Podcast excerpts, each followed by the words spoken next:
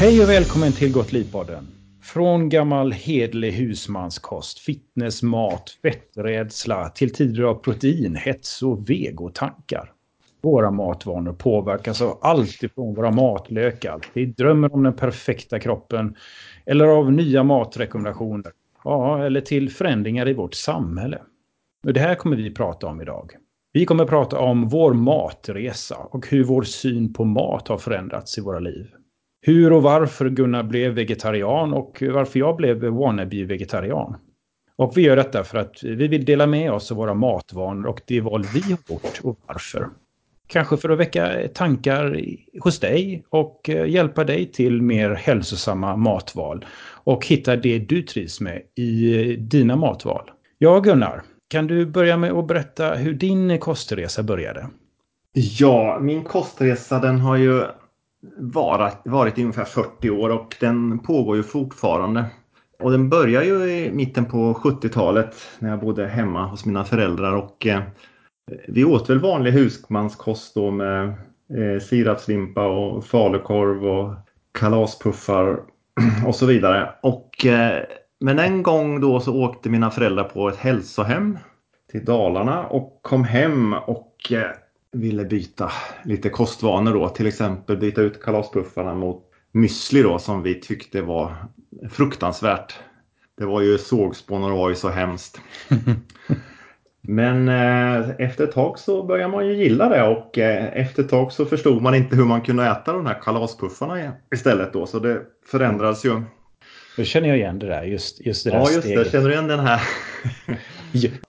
Jag vill minnas att den här müslin, eh, den var ganska... Det, det, var möjligen... Det lyxiga i den var russinet. Ja. Ja, men berätta då. Hur, hur gick det då när du har börjat vänja dig vid müslin? Ja, så det gick väl gradvis sådär. Men eh, då fick jag upp ett kostintresse som gjorde att jag ville jobba inom det här och börja forska om det här. Och det gjorde jag ju 1979 då som jag blev eh, doktorand i näringslära. Och på den tiden så fanns det ju studier som visade på hur sjukdomar förändrades när människor flyttade. Först tänkte man ju att, att i olika delar av världen så var de olika genetiskt eh, byggda då så att de hade lätt för att få olika sjukdomar. Men det var ju framförallt de här studierna på japaner som flyttat till USA, till Kalifornien och Hawaii. Mm. Hur deras sjukdomsmönster förändrades det var ju väldigt fattigt i Japan efter andra världskriget då på 50-talet. Eh, de åt ju mest eh, grönsaker och ris och alger. Men när de flyttade till, eh, till USA då så började de få mer och mer tjocktarmscancer, bröstcancer och prostatacancer. Och efter tre generationer hade de samma sjukdomsmönster som i USA. Oj. Och det tyder då på att det inte är genetik utan att det är levnadsvanor. Att de får ju samma sjukdomsmönster som till det områden de flyttar till. Just det. Det här var ju ett väldigt tydligt exempel på att vi påverkas av den omgivning som vi lever i. Ja, Henrik, vill du fortsätta lite grann? Ja, eh, min matresa, det handlar ju mer om eh, att jag eh, började träna. Och kanske typiskt för många människor att man börjar träna och eh, jag tränar då styrketräning. Jag vill bygga en snygg kropp helt enkelt. Jag var väl 16 år ungefär och började gå i gymmet och eh, hade växt upp med en pappa som tränade på gym och jag hade egentligen haft en aktiv barndomsuppväxt med många olika sporter. Eh, och just kroppsbyggning blev faktiskt ett enormt stort intresse för mig.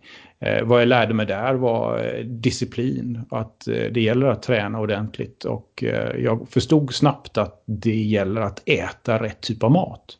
Så min matresa började just med det. Jag skulle anpassa sig eh, efter eh, hur maten påverkade träningen och dess fysiska utseende. Det var väldigt mycket fokus på det i många, många år. Och i det påverkas matvalen väldigt, väldigt mycket och jag tycker mig se detta fortfarande idag när man börjar med eh, träning på gym. Och eh, då, eh, detta var ju eh, i början på 90-talet och då eh, var vi fullständigt livrädda för fett och även jag.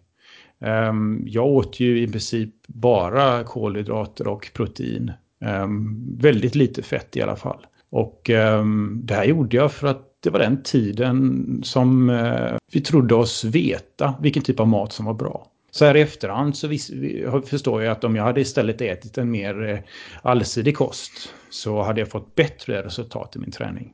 Där någonstans började min, mitt intresse men desto äldre jag blev och desto mer jag mognade i min matresa desto mer insåg jag att maten påverkar väldigt mycket vår hälsa också. Jag brukar säga att jag kanske insåg att jag var, inte var odödlig runt 25 års ålder och behövde förändra mina vanor. Där eh, utbildade jag mig vidare då inom hälsa. Så där är min matresa, precis som du säger Gunnar, den, den fortsätter ju än idag och eh, idag, jag kallar mig själv wannabe-vegetarian. Eh, Medan du Gunnar, du har ju varit vegetarian länge, eller hur? Ja, jo det, det börjar bli 40 år ungefär. Ja. Och det var ju sen när jag började forska som jag började läsa litteraturen och eh, det fanns ju en mängd studier som visar på kostens stora betydelse. Till exempel en studie där man jämför eh, sjukdomar i USA och Indien. Där det är 11 gånger så hög risk att få tjocktarmscancer i USA jämfört i Indien och det är eh, 23 gånger mer vanligt att få prostatacancer i USA än i Indien.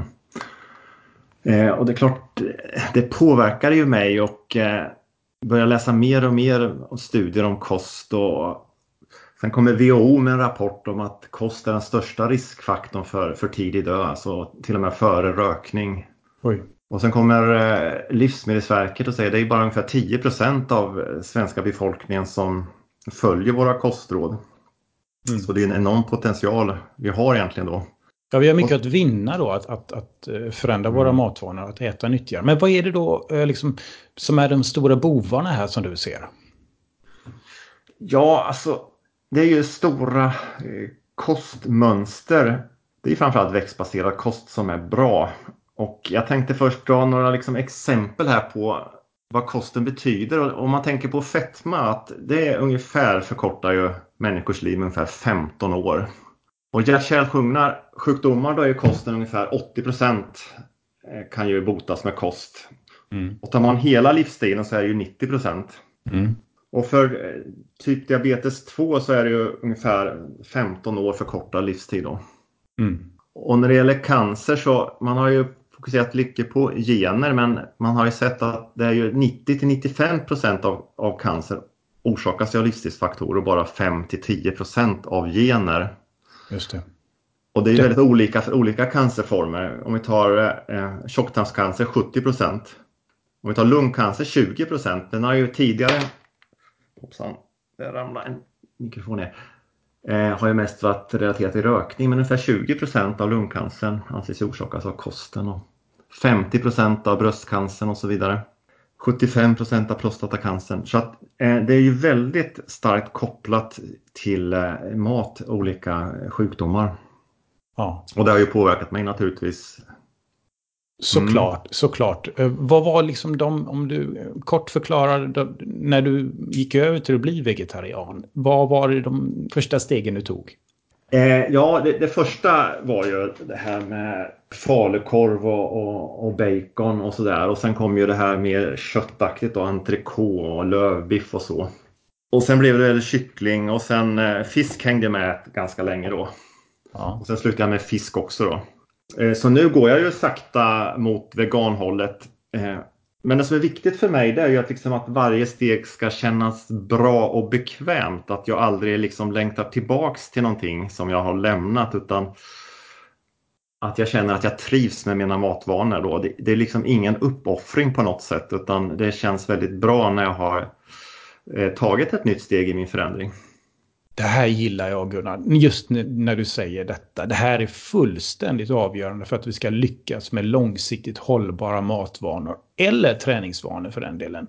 Att man verkligen trivs och att man ger sig själv tid i den här tiden, i vår matresa eller träningsresa, har vi så många fina tillfällen att misslyckas och komma tillbaka och förbättra oss.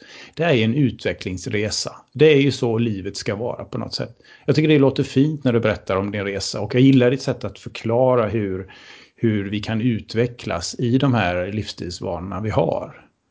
Jo, så att hela tiden nästan ända fram till nu så har det ju varit hälsa fokus då men nu med, med Greta Thunberg och den här klimatdebatten så har man ju också tänkt på planeten vi bor på, att den ska ju må bra. Gör inte den det så mår ju inte vi bra. Nej. Och då vet man ju att animalieproduktionen står för cirka 15 procent av världens totala utsläpp av väx växthusgaser. Och man vet också att ett kilo nötkött motsvarar ungefär 25 kilo koldioxidutsläpp. Och det motsvarar ju att köra en normal bil ungefär 12 till 15 mil. Oj. Så nu har ju också det här kommit in då att, att man får tänka på den, den planet man bor på. Vi kan ju inte göra den obeboelig för då förstör vi just för oss själva. Just det. Så ett kilo kött, 12 till 15 mils bilkörning alltså. Ja.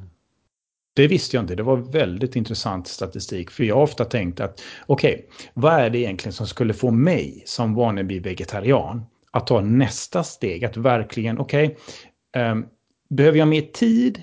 Behöver jag, liksom, som du säger, landa i ja, uh, nu kommer jag inte sakna min kära salami längre. Utan nu kan jag verkligen lämna den, hej då, och liksom gå vidare.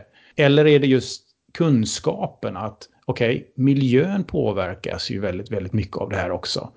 Eh, handen på hjärtat har jag ofta tänkt att ja, men min lilla livsstilsförändring, om jag slutar med kött, eh, spelar inte det så stor roll när Donald Trump eller någon annan håller på och tramsar i USA och släpper ut både det ena och det andra i luften. Där, på den nivån går mina tankar. Men hur är det egentligen med eh, dina vanor? Tycker du nu att det skulle kunna hjälpa dig ännu mer att gå mot veganhållet med de här miljökunskapen som du har? Jo, jag har ju sakta gått mot det nu i, i 40 år och Eh, jag fortsätter ju den resan. Det gör jag. Eh, så absolut, jag ändrar lite små saker hela tiden. Men samtidigt de här sakerna som jag tycker kanske inte är så, så bra eller nyttiga och så, så eh, på något sätt mår jag inte så illa av det heller utan jag kan om man uttrycker sig med unna, att jag kan tänka äta någonting som inte är så jättenyttigt. För jag känner ändå att jag är på väg någonstans och att man kan inte förändra allt på en gång för då blir det pannkaka utan man får ta ett steg i taget och känna sig nöjd med varje steg och inte må så dåligt över just det man inte lyckas. Va? Utan man får titta på det positiva och känna att det, det här som kanske inte är absolut det optimala. Att man ändå kan leva och trivas med att man inte är perfekt. Och jag tycker det är viktigt det här med att, att inte vara perfekt. Eh, det, det är en viktig grej för mig. Just det, jag håller med dig. Jag brukar använda uttrycket sunda synder. Mm, ja, men det är bra. Men varför är det så svårt att förändra sina vanor, Gunnar? Då? För det, vi hör ju ja. här att det räcker kanske inte med kunskap alltid. Då skulle jag först vilja citera en person som heter Dean Ornish. Han har skrivit så här att för att en livstidsförändring ska bli bestående så måste den vara njutningsbar och meningsfull. Men framför allt frivilligt vald. Wow, den är fin. Så man måste ju känna att, att man på något sätt trivs med den själv och att det är ingen annan som har tvingat en på det, in på det här spåret.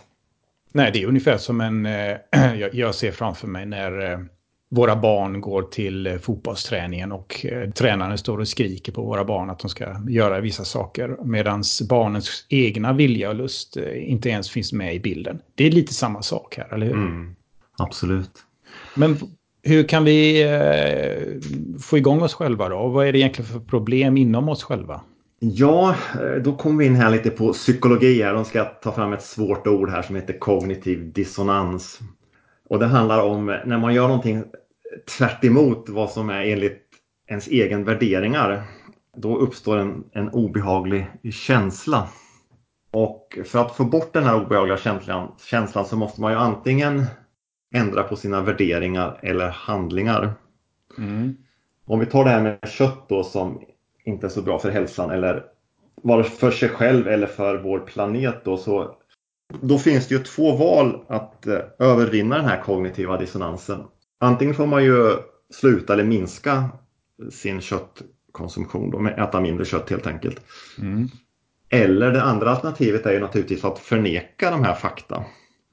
Och säga att det här stämmer inte, det är felaktig vetenskap och nej det är nog inte så farligt. Mm.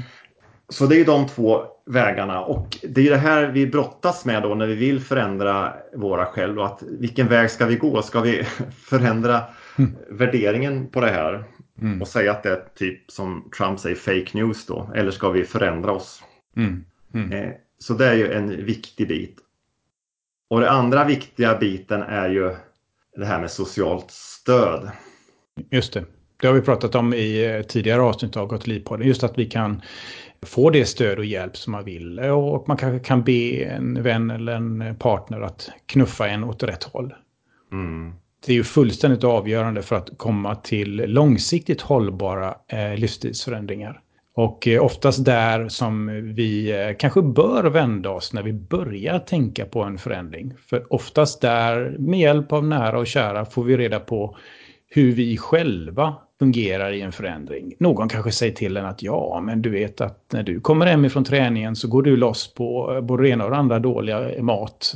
Och, eller man kanske vet om att ens partner behöver viss typ av stöttning för att verkligen komma ur soffan och eh, gå och träna eller eh, välja mer vegetarisk mat. Ofta finns väldigt, väldigt mycket att hämta med eh, att titta på vår omgivning. Skapa smarta sätt att helt enkelt stötta sig själv. Ja, Gunnar, har du någonting som du skulle vilja tillägga här? Ja, jag skulle kanske säga en, ett bra citat här från det här föregående med, med kognitiv dissonans och det är en som heter Popper som har skrivit We want to hear good news about our bad habits. Och det handlar just om kognitiv dissonans att, att eh, vi vill gärna tillbaks eh, till det här dåliga och eh, då eh, kanske vi gärna vill tro på fake news. Mm. Mm. Man har ju vanor för att man trivs med dem. Precis, vi har ju det ingen slump att vi har de vanor vi har och det bygger på att på något plan så trivs vi ju med dem. Annars hade vi inte haft dem. Och det är kanske därför vi behöver lite extra tid för att liksom vänja av oss. Eller för att ha tid att reflektera, analysera och känna på vad det är vi egentligen vill förändra. Mm. Man ska inte vara så hård mot sig själv och eh, man får försöka titta på det positiva man har gjort och inte tänka på allt man inte har gjort. Utan man det tar tid, som i mitt fall då, det, det, det är ju 40 år som jag har förändrat mig gradvis. Mm. Och då har det ju det hela tiden inte byggt på att jag har liksom tyckt att det var så hemskt att jag inte har förändrat det och det utan jag har varit ganska nöjd med de förändringar jag har gjort och på varje steg så har jag trivts med de förändringarna. Ja. Här är, här är nyckeln. Jag brukar säga att man ska gå ner i vikt i nuet. Eller att man ska hitta den livsstil som man vill i nuet. För att hela tiden kunna gå vidare. Mm. Ja, Gunnar, jag tackar för en trevlig eh, stund här. Och eh, vi kommer återkomma i Gott Liv-podden. Hej då!